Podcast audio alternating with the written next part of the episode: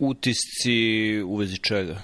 Dobro, Asheville već smo pričali. Da. Ne znam da li ima još nešto. Imam utiske sa početka čitanja knjige. Uh, počeo sam, mislim, po četvrti, peti put da čitam Full by Randomness od mm. Taleba i ono, preface, prolog, predgovor, uh, odmah kreće da priča uh, priču o dva trgovca, jedan je on ili njegov alter ego, drugi je neki lik koji živi preko puta, stalno mu vidi kuću koja je duplo veća od njegove, ima pet puta više automobila nego što njegova porodica ima, žena mu ima plastične operacije, alfa mužijak, tralala i priča sve do jednog leta kada je lik izgubio posao, kuću, kola, žena ga je ostavila, jer je mm, razlog zbog koga je imao, obojice su bili trgovci na, na Wall Streetu, razlog zbog koga je on imao toliko više para je što je imao skriveni rizik za koga on nije bio ni svesan i onda u jednom trenutku je taj rizik eksplodirao i ime poglavlja je ono, Red Hot Summer vruće Aha, leto no. što je knjiga je pisana početkom 2000-ih i gle čuda 20 godina nakon toga vruće leto 2022 kada puno trgovaca sada drugim finansijskim instrumentima ne šta je, šta je taj lik radio pred 30-40 godina, ne znam, pošto je to ko bilo 98. A, sada je ono, trgovina kriptovalutama. Sada dosta ljudi, nažalost, a, gubi kuće, automobile, porodice zbog a, kraha kriptovaluta, koje, što je bilo ono, bilo je očekivano i znaš da će se desiti, ali uvek iznenađenje kako brzo ono, iz, iz nečega na, nastane ništa. Na, mislim, generalno i berza dramatično opala. Mislim, ja ne pamtim takav pad. Mislim, nisam pratio 2008. ali definitivno... Ne, ovo je, uh, mislim, mislim da je paralela on, 2001.com krah. Mm. I to je ono... Uh, jako malo firmi je preživelo taj pad, on, tehnoloških firmi, ali one koje, one koje jesu su radile jako dobro. Uh, mislim, razlog za, razlog za pad generalno berze nismo ni ti ni ja ekonomisti, finansijski stručnjaci i savjetnici za, za trgovinu akcijama, tako malo zvezdica, ali razlog i za jedan i za drugi pad je isto, mislim u kratko vreme je ubačena ogromna količina finansijskih sredstava, Fed je štampao pare, dolazi su čekovi za stimuluse, e, firme su imale besplatne pare jer su kamate bile nula, u evropskoj zoni bile su i negativne kamate, tako da ti si isplatilo da uzmeš što više zajmova i onda ono gde ćeš da plasiraš te zajmove zajmove upumpaš u nešto. Mm. Uh, ti zajmovi jesu upumpani u akcije, ali ni izbliza toliko koliko u kriptovalute. I ono što je razlika između akcije i kriptovalute, krah, ne znam, cena Amazona padne 20-30%, cena 30%. Apple 30%, cena Apple padne 10-15%, ali na kraju dana to su i dalje firme koje će nastaviti da rade. Znači, ako mogu jednu stvar da kažem, to je da će za sledećih, ono, bar 5-6 godina Apple i Amazon postojati i dalje. Tako da imaš nešto, cena njihovih akcija, osim ako se ne desi neka nevrovatna katastrofa, neće, neće biti nula. Znači, da. neće, neće, neće nestati. Što za kriptovalute nije slučaj i postoji gomila kriptovaluta koje, čije vrednost sada jeste nula, a mislim uskoro će većina, većini biti vrednost nula. Tako da je to, to velika razlika između ta dva financijska instrumenta i to je razlika između investicije i špekulacije. E, ako kupiš akcije Amazona ili Apple-a ili Berkby, Berkshire Hathaway ili uh, tako neke prave firme. Mislim, ako investiraš ti onda kupiš i ono, nadaš se da će za 5, 10, 15 godina te firme dalje postojati i da ćeš raspolagati tim novcem. A ono, ako špekulišeš parama, možeš ti lako da špekulišeš i cenom akcije Apple ili Amazona, jer su dnevne variacije nepredvidive i ono, ko zna, zavisi od bacanja kockice kako tržište odluči da, će, da li će ići gore ili dole. Možeš isto tako da se igraš i sa, i sa cenom akcija Apple i, i Amazona i drugih firmi, a možeš naročito da se igraš cenom akcija kriptovaluta koje ne variraju 2-3% dnevno, nego variraju 10, 15, 20% dnevno i to ti je ono, to je Monte Carlo. Može da, da i da zaradiš i da izgubiš. E, sad ono na što me Full by Randomness podsjetio i zašto bi većina ljudi trebalo ponovo da čitaju tu prvu knjigu Talebovu, koja je izašla, mislim da je izašla ono nedelju dve pre 11. septembra, tako neko vreme je bilo. Uh, je se radi baš o tome da za bilo šta u životu, a naročito za financije, moraš jako voditi računa da ograničiš gubitke i da znaš koliki su ti gubici i da vodiš um, trgovinu, život, posao tako da ne da uradi sve što možeš da ne isključiš sebe iz igre, da ne izađeš iz igre.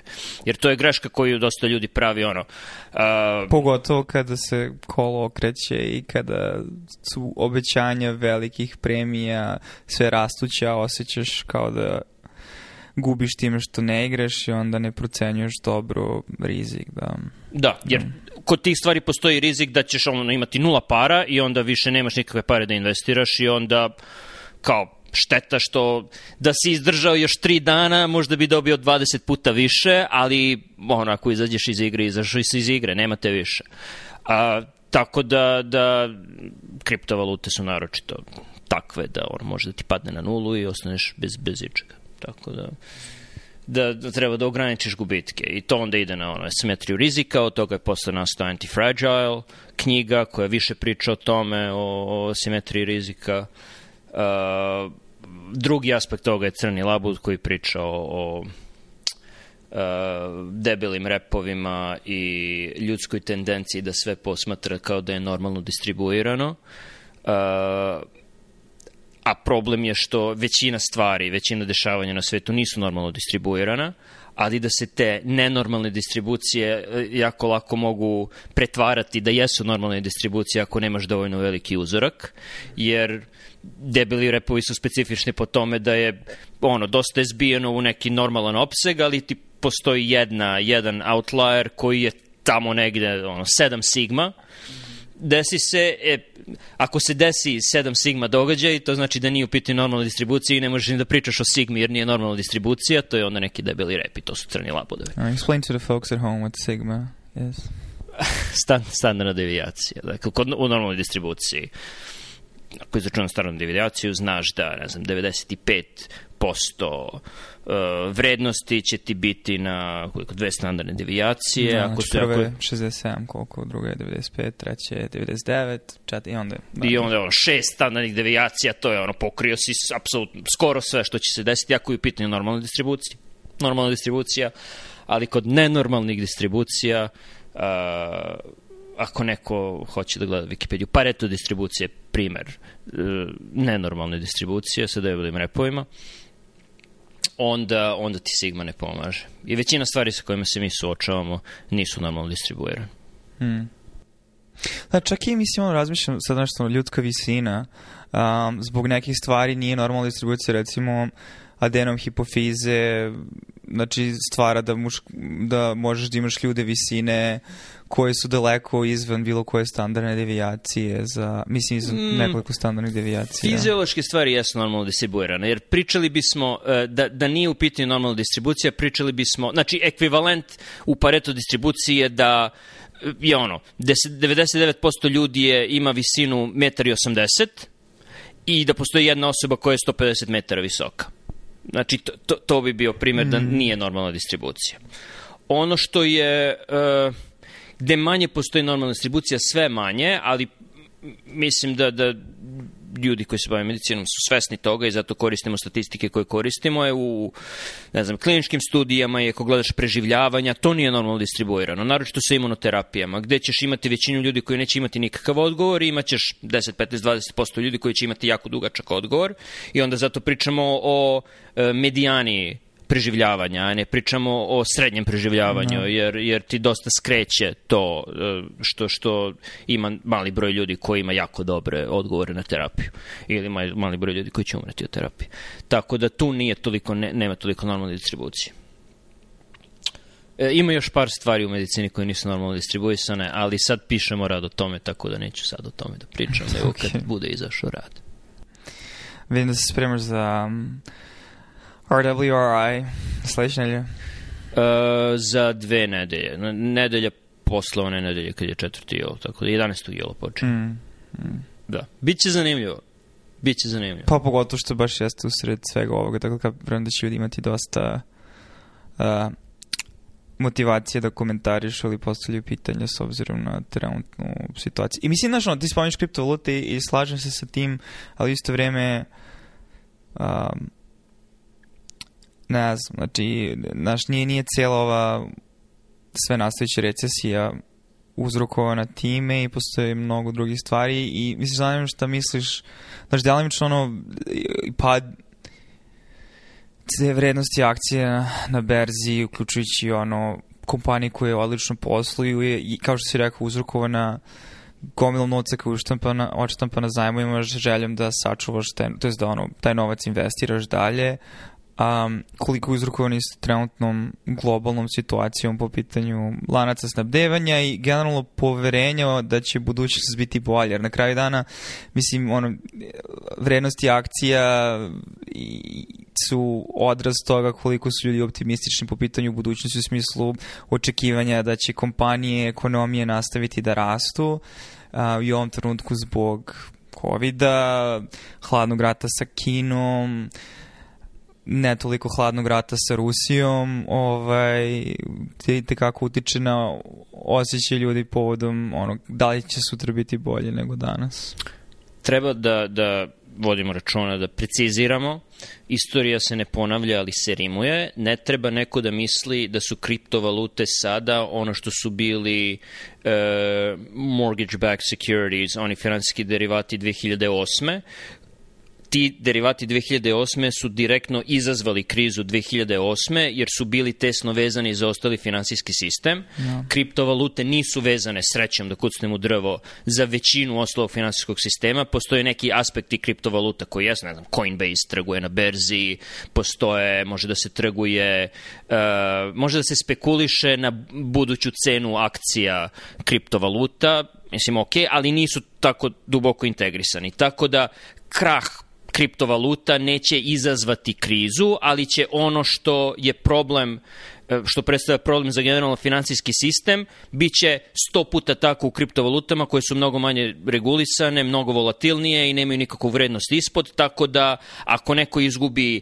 15, 20, 30% para koje je investiran u standardni finansijski sistem, taj će izgubiti sve ako, ako ima na, na kriptovalutama. Znači one amplifikuju probleme koji već postoje, uzrok za jedan i drugi problem je isti. Bilo je puno jeftinih para kojih više nema i sada rastu kamate i sada ljudi ono kao ne, ne, ne mogu više da špekulišem. Ali ono bilo jeftinih para, ali jeftinih para za koga? Mislim, znaš, ono gomila tih finansijskih instrumenta i načina investiranja nije dostupno većini populacije, uključujući i nas. Mislim, znači ti ne možeš da ubaciš keš u neki hedge fund koji će da ti razumeš naprijed. Ko misliš da je, ček, ko misliš da su, ko misliš da je upumpao ovoliku vrednost uh, Bitcoina i Ethereuma. Misliš da su to uradili jadni Nigerici koji ne, su kupovali ne, ne, ne, Bitcoin? Pa to ti pričam, znači, naravno to. Mislim, ali... Ne, ali, ali, oni će, ali oni će izvući, uh, kako se kaže, izvući deblji, kratki, kako...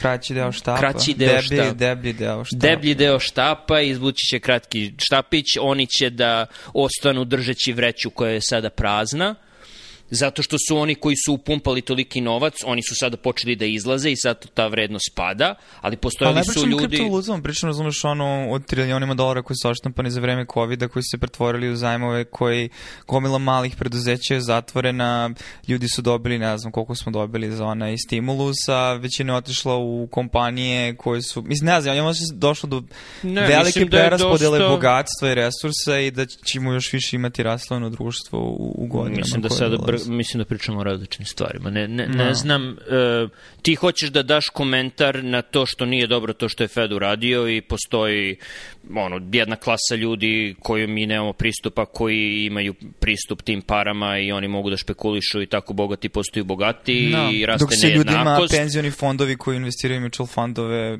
potencijalno imaju potencijal da se istope kao što se potopili 2008. ako letimo u novu Dobro, to je tačno, ali to nema veze s ovim što ja pričam. Ne, nema veze, mislim, samo se nastavlja. Nisam znao da si teo još da pričaš o kriptovalutama. Okay. O, pa ne, ti si rekao, uh, ne, nešto si spomenuo kao... stvari na berzi, mislim, i generalno... Mislim, teo sam pričamo na dolazeću recesiju, u principu. Mislim, ili recesiju koju već sada jesmo na globalnom nivou, a pogotovo ovde. Dobro, mi, mislim, ja nisam ekonomista, ne, ne, znam, ne, ne znam šta mogu da kažem o recesiji. Mislim, bit će negativan GDP. Okej.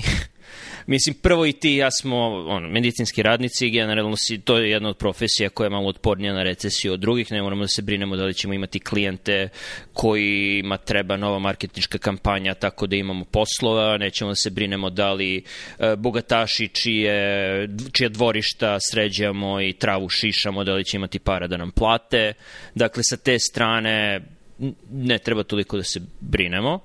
Uh, on, ono čega, ono što može da se brineš, ono što, z, z, zaradit ćeš pare i onda šta da daješ sa tim parama ako je recesija, ako uh, je berza nestabilna, gde, gde da držiš pare, znači to mm. može da bude problem, ali to je večiti problem, mislim što, cash, znajući da će da izgubi na vrednosti zbog inflacije, ali će možda izgubiti manje nego bilo šta drugo. No. Znači, to je, to je generalno... A ne možeš da kupiš kuću, ne možeš da kupiš... Da, da. Čak i kuća, mislim, tržište nekretnina u Americi sada je tek priča, tu će biti verovatno ne oneliki krah koliko je bio 2008. ali će dosta, dosta pasti.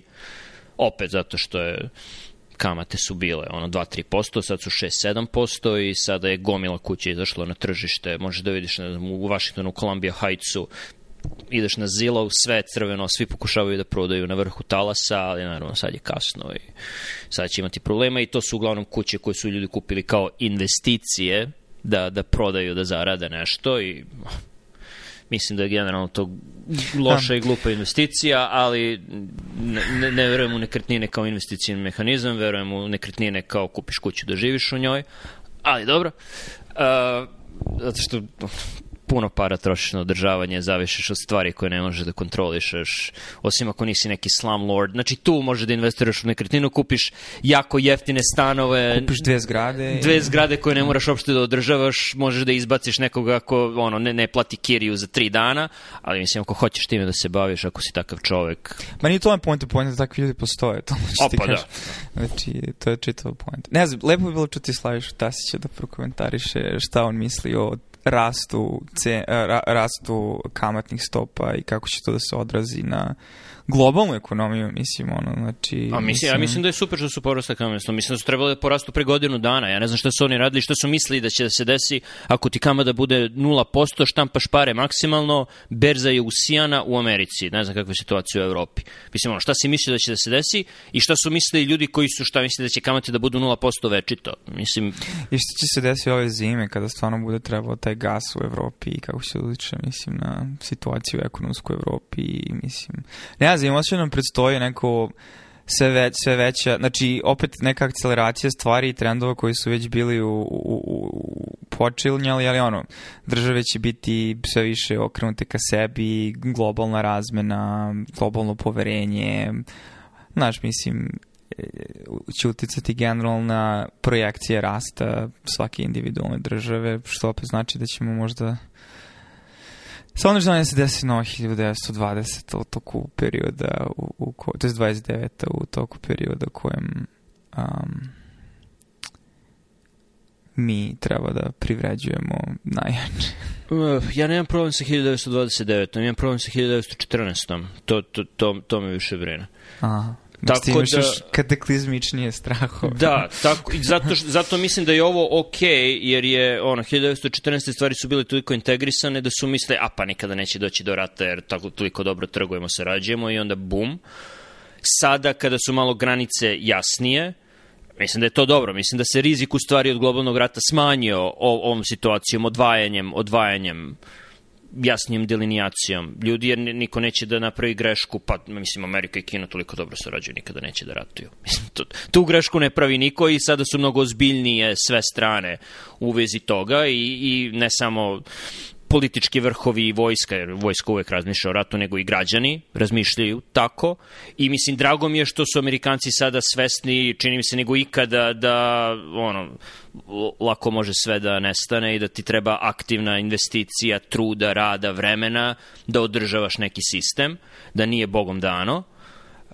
Mislim da je to sad generacijski i mislim da mlađe generacije naročito, e sad je, ono, da li će ono, postati svesni i želeće još više da investiraju ili postaće svesni toga i reći će, ja, doviđenja, idem ja na Novi Zeland ili neću da se bavim time, vidjet ćemo. Ali mislim da je to sada manje, mislim da, da, je, da je rizik sada otvoreniji, a otvoreni vidljivi rizik je uvek bolji od skrivenog rizika. No. Mislim da je 1914. postoje ogroman skriveni rizik i koji je eksplodirao, sada je, ono, rizici, nije, nije da se odjednom povećao rizik, nije rizik odjednom nas, na, na, nastao. Ne, Taj rizik je uvek postojao, ne. sada je vidljiv. Što je super, to je bolje. Da, znači, mislim, misliš da je bolje da dođe do malo ohlađivanja. Da. Ali to je na kraju sve, sav taj rast i rast investicija, to je suštinski vezano za nivo poverenja koji imaš znači, na nivou društva i generalno ako pričaš o saradnji među različitim državama, onda nivo poverenja između različitih Znaš, znači, ne, ne, ne, niko se ne upušta posla sa ljudima za koje ne veruje, osim u kontekstu, znači, kripto prevara gde ono, ulaziš zato što želiš da napraviš pare, ali ne znaš ni šta je proizvodni. Razumeš, svaki put kada ulaziš u bilo kakvu vrstu dogovora, ugovora, postoji ideja o nekoj vrednosti koja će se stvoriti od strane druge strane da bi opravdao, mislim, investiciju. Zanimljivo je što si to rekao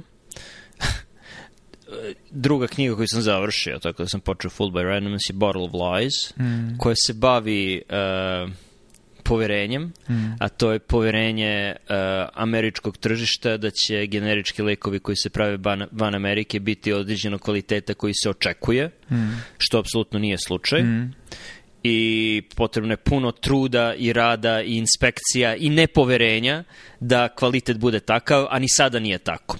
Znači i sada je ono upitno kvaliteta su generički lekovi koji su na američkom tržištu, a mogu da zamislim u ostatku sveta kakvi su.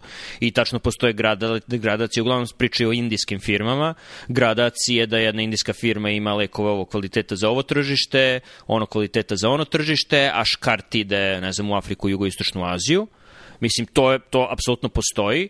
I postoji gradacija američkih firmi i svetskih firmi koje postoju sad sa Kinom, ono kako izgledaju proizvodi koji dolaze iz Kine. Mislim da ono većina Apple-ovih proizvoda, na primer, je pravljena u Kini, Uh, i postoji veliki stepen nepoverenja Apple-a za njego, njihove dobavljače u Kini i Apple je svojevremeno pre covid zakupljivao cele letove. Znači, bilo je nekoliko letova iz San Francisco koji su išli u, u Šangaj i gde još, Shenzhen ili gde već, koji su ono, letovi puni Apple-ovih zaposlenih koji su išli tamo u inspekcije, provere, konstanta kontrola, jer znaju da ako ti malo popusti pažnja, da će jednostavno efekat biti ići linijom manje, manjeg otpora i uvek proba neko da ti proda neki škart.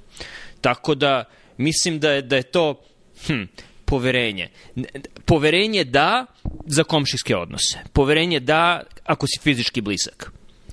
Što si geografski dalji, mislim da naš um i naše društvo još uvijek operiše na tom nivou, što si geografski dalji, odnosi su bolji, što je ono implicitno poverenje manje, ono, veruje ali potvrdi. Ne, ne, naravno, ne, ali hoću da kažem, mislim, ono, pokušavam da svedem na neke ono osnovne principe, ali paralela koja će možda tebi približiti šta tačno želim da kažem je, znaš, postoji razlog zašto je u Srbiji teže započeti neki preduzetnički posao nego ovde u velikoj meri zato što ne veruješ da će pravni sistem da te zaštiti, ne veruješ da će potencijalne subvencije da se ostvare. Ne, razumeš, ima toliko faktora koji onda utiču na to, ne veruješ da osoba koja ti jeste dobavljač će biti spremna da uradi stvari kako ste se dogovorili ili u vremenskom roku kojem jeste, dok ovde naravno, mislim, on je ovni daleko od savršenog sistema, ali zato što postoji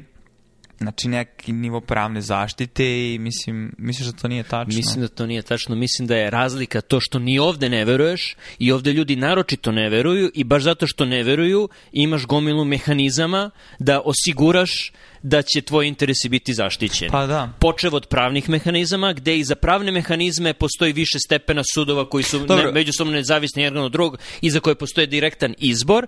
Ako to ne funkcioniše, onda imaš političku stranu, ako to ne funkcioniše, imaš medije. Ok, to hoću kažem. Znači, možda način koji sam to definisao nije, znači ne mislim na individualno poverenje u smislu da veruješ toj osobi koja je neki stranac u nekoj interakciji, nego veruješ u čitav sistem da će ta osoba se postupati u skladu sa okvirima tog sistema znajući koje su posledice za, mislim, rađenje stvari kao što si rekao, uvaljivanje, škart, šta god.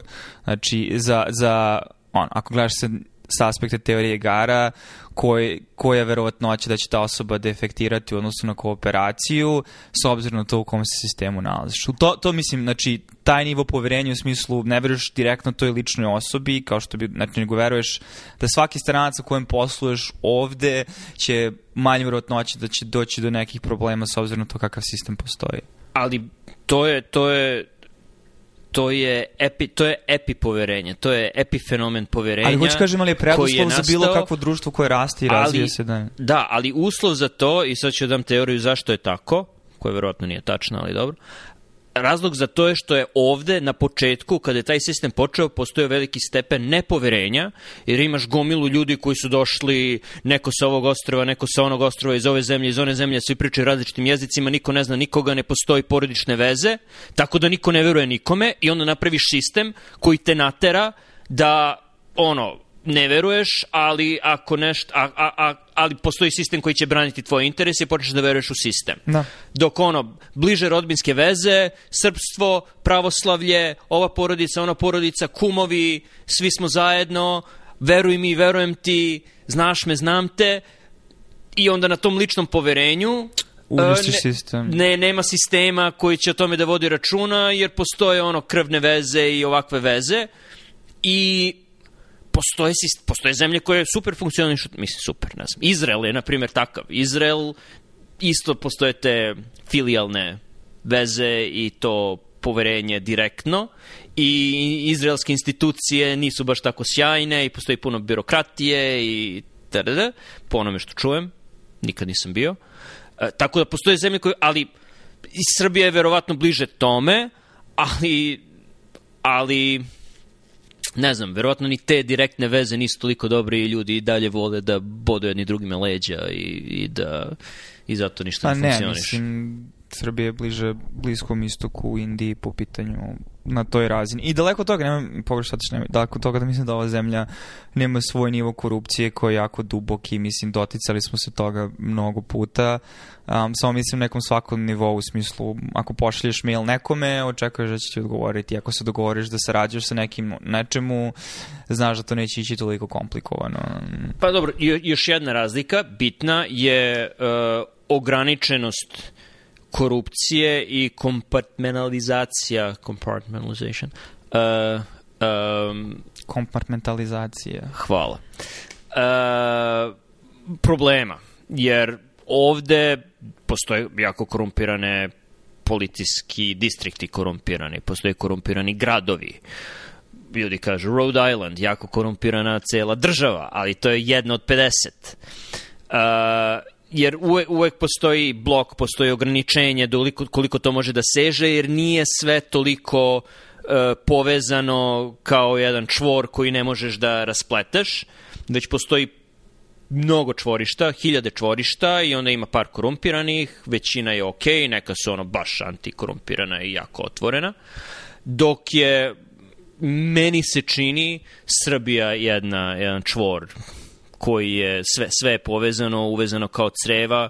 Ako kreneš sa problemom, ok, zašto ono, dve nedelje niko ne prazni kontejner iz ove ulice i ako kreneš polako, doći ćeš do, do ono, nivoa nekog ministra i dalje. E, nema, uvek, uvek odgovornost ide ka, ka centralizaciji i centralnoj vlasti. A, I mislim teško je praviti poređenje. Država Srb, Srbija je jako, mislim, relativno mala zemlja, tako da i ne možeš da nemaš situaciju u kojoj um, pogotovo ako imaš situaciju gde ti je institucije koje bi trebalo da budu deo sistema međusobnog proveravanja, ono checks and balances, um, relativno disfunkcionalan, samim tim dolazi do velike koncentracije u, u nivou odlučivanja? Pa, mislim, možeš, možeš. Švajcarska je manja zemlja, ali je sve ograničeno na kantone, tako da kantoni međusobno ne, ne sarađuju. Da, ne, ne poredio sa Amerikom, da. Da, ali možeš da porediš sa Švajcarskom i mislim da smo...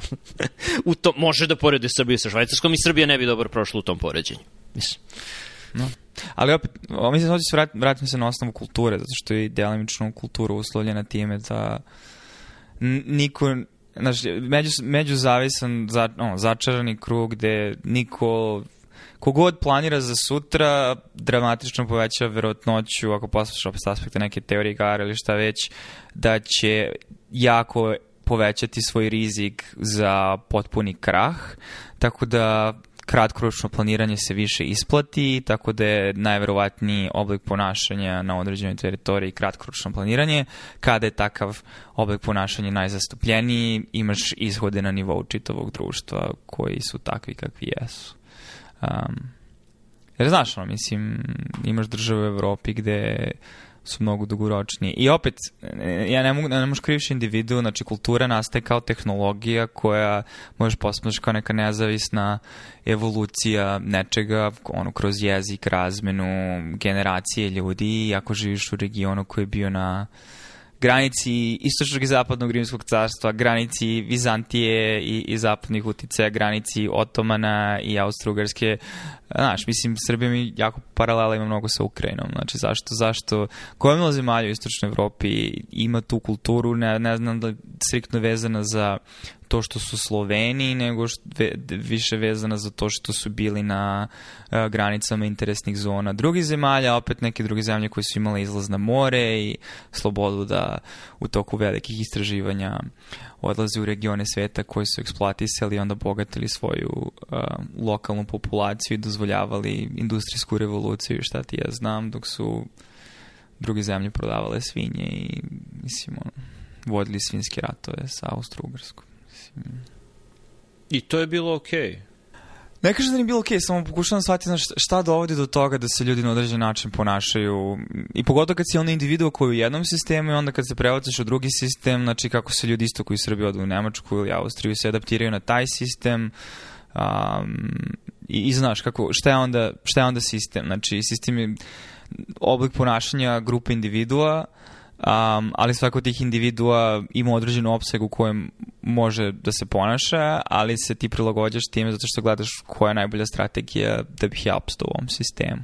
I onda mislim nekako ono zakukuljeno da je problem nerešiv zato što je neophodno sistemsko rešenje, ali kako to da uradiš, a da to ne bude toliko dramatično i traumatično po, po čitavu populaciju kao što se desilo posle drugog svjetskog rata na teritoriji Balkana, gde je ljudima oteta imovina i, mislim, a, znaš. Mm. Ne bih, malo sam ja zašao neku drugu temu, ono, ali tiče se generalno predskazivanja budućih a, ishoda sistema, delimično se onda tiče i ekonomske situacije i tako dalje, tako dalje. Uh, I tu postoje neke heuristike generalno vezane za kompleksne sisteme. Uh, najgore što možeš da uradiš je da sistem kakav god postoji, da ga potpuno uništiš i da kreneš sve iz početka. No. I da kreneš iz početka ti da dizajniraš jedan kompleksni sistem. To je najgora stvar. Vidjeli smo. Mislim, šta se desilo Više u Rusiji i mislim, da. Tako da, ali onda je pitanje kako, kako na koji način postojeći sistem da odvedeš put gde, gde bi, gde Pogotovo kad taj da sistem je nezavisan i kad uh, stanje tog sistema u velikoj meri je vrlo korisno za druge sisteme koje onda mogu da eksploatišu bagove u tvom sistemu. Te tako možeš da dovedeš, razumeš, kompaniju koja će da odluči da uzima mineralne vrednosti i da napravi usrene ugovore zato što mogu, a ne zato što su mislim, po defaultu loš. Ili sa ta kompanija da poslu u nekoj zemlji sa stabilnim sistemom ne bi smela da pravi ugovore te vrste i samim tim ne bi ih pravila. Tako da, znaš, čak i da kreneš da menjaš sistem iznutra, ne, ne, ne, nećeš ne ići na otpor samo iznutra ovog sistema, nego i delimičan otpor s polja. Mislim, kao što, znaš, kad je krenulo sve ovo sa Rusijom, jako su počele da postanu očigledne i korumpirane veze između određenih slojeva takozvanih uređenih društava i onda korumpiranog društva kao što je, mislim, rusko. Dobro, o tome da... još Branko Milanović pisao da, da pljuj po ruskim oligarsima, ali ako ti je lepo da oni ulažu pare u tvoje, mislim, stanove u Londonu da. i i jahte Da, da. na primorju. Da, da. Tako da pritisci postoje sa svih strana. Tako da je problem, mislim, barem s moje tačke gledište, i dublje još, ono, uh, još, još teže reši. Ali slažem se s tom da, da ono, nula ne postoji. Ne možeš da presečeš stvari i kažeš krenemo da pravimo nove stvari, samim tim samo praviš vakum i po defaultu ljudi koji isplivaju na vrhu ne zbog toga što su loši sami po sebi, nego zbog same želje da isplivaju na vrhu i dobijanjem pozicije da sprovode velike odluke, a u isto vreme osiljeni osjećajem pravde mogu da naprave novi haos i novo krvoproliće. Da. Ono što generalno važi, sad pričamo o kompleksnim sistemima generalno, ne pričamo o bilo kojoj zemlji specifično, je uh, podela na više manjih domena i eksperimentisanje u okviru svakog od tih pojedinačnih domena i ono svaki uspešni eksperiment možeš da iskopiraš na druge, ono što propadne, propadne samo ograničeno, znači ograničiš štetu, a poveća šansu da će svi imati korist ako nešto tog eksperimentisanja uspe. Tako u stvari funkcioniše implicitno, ne eksplicitno Kina, jer uh, u kineskim provincijama šefovi provincije imao, imaju veliku, uh, veliku nezavisnost oko toga kako će njihova provincija da funkcioniše, ali ako su korumpirani, ako neka, neka njihova reforma ili pokušaj ne uspe, o, rizik je smrtna kazna ako, ako, ako uradiš baš jako loš posao. Tako da oni, oni imaju taj, taj princip. Uh, opet kažem, ono što je u Srbiji najveći problem je centralizacija i ono nema, nema šanse da ćeš bilo kakvo eksperimentisanje na nivou mesne zajednice idealno ili, ne znam, opštine, uh, nemamo pokrajine, šta imamo? Regione. Okruge. Okruge, hvala. Na nivou okruga Da, da li postoje uopšte šefovi okruga i šta, šta, šta oni rade, koja je njihova uh, ingerencija, pa ne samo koja to je isto njihova vreme, nadležnost? ono što mene plaši u stvari, čega postajem sad svestan kako ono, postaješ svesni svet oko sebe i kako idu tokovi. I na neki način možeš postaješ svesni istorije jer se sećaš kako su stvari bilo u nekim trenucima čak i kad si bio odrasla osoba i kako su se donekle izmenile, mislim i ti si izmenio tako da je to problem čitave te analize, ali ono što vidiš recimo bar na teritoriji Balkana generalno, uključujući Srbiju je problem da nakon znači čitavog a, momenta a, tranzicije si imao znači um, kako kažem, funkcija koja znači, ide, ide u smeru povećavanja zavisnosti od eksternih stvari, a smanjivanje um, samodovoljnosti. Tako da kad pričaš ono, eksperiment na nivou mesta zajedno što god, koja infrastruktura onda treba da se razvije, stvari infrastruktura je demontirana, mislim, on pričat ćemo s- možda i s tvojim čaletom jednom prilikom da li ikada i postojala, ali kakva takva infrastruktura je bila, e, da recimo sada jedan, jedna opština može sebe da prehrambeno snabdeva. Ili kako opšte da uspostaviš to kada gomilu proizvoda prehrambenih ti uvoziš u stvari iz zemalja Evropske unije koje onda ljudi kupuju po sniženim cenama jer su ti proizvodi subvencionisani od strane tih država, tako da ne kupuješ sir koji je došao ono 50 km od tebe, nego kupuješ sir koji je došao 1000 km od tebe. Mislim. Dobro, ali to je funkcija države. Na, znači, država treba da ima neke in- ingerencije. Jedna od tih ingerencija je ono, uvoz i izvoz dobara, tako da svaki okrug ne, neće nezavisno uh, regulisati uvoz i izvoz, već, već država tu služi administracija kao interfejs između, između uh, opština, mesnih zajednica i ostatka sveta. Zamislite kao neki API, tako da, Pa da. država pruža to i, i ti kao neka opština u Srbiji ti dalje imaš kontakt sa državom, ne, ne, ne, neće država nigde nestati. I to je jedan od ograničenih domena, uključujući, ne, znači, spoljni poslovi i vojska su dve glavne stvari koje treba da se rade na nivou države. Mislim da je to optimalno tako, neće svaka opština da ima svoju, svoju vojsku, naravno, i tenkove ali, ali taj broj stvari treba da bude mali. Za, za, zašto bi se u Beogradu odlučivalo gde će se graditi, ne znam, most na Južnoj Moravi? Što se sada radi, generalno. Znači, za, naj, najbolje ljudi znaju koji su fizički tamo i koji znaju kako stvari funkcionišu, oni najbolje znaju šta treba da se radi, šta od infrastrukture, kako treba da bude uređenje. Nešmo tako u mogućnosti. Hm? Ne, ne znam referencu. Ne, ne znaš referencu, to je iz tvojeg kraja, čoveč. TV Jagodina. Ok, 99. bombardovanje. dobro. TV Jagodina Šu- ili šunta- TV Palma Plus? Šunta Vilo. Ok. Gradimo mostove. Pa, Ok. Izgrade onaj most na potoku. Pa ne daju mostove. Najbolji klip ikada. Mislim, to je bukvalno ono, za mene nivo Vuk Karadžić, ono, narodne, narodne umotvore. Ali bez veze, znači, totalno neironično ovo govorim. Znači, na, na toliko nivoa je predi, predivna stvar. No, Nebitno digresija je nastavi. Priča se o centralizaciji i problemima vezanim za centralizaciju. Uh, ne, sad kad si rekao narodna umotvorina, to mi je skrenulo misli na najbolju narodnu umotvorinu koju sam ja čuo u poslednje vreme, a to je uh, boljeg nemamo, goreg nećemo naći. Je li te stvari? Što treba da uđe u, u, no. u čitanke. No. No.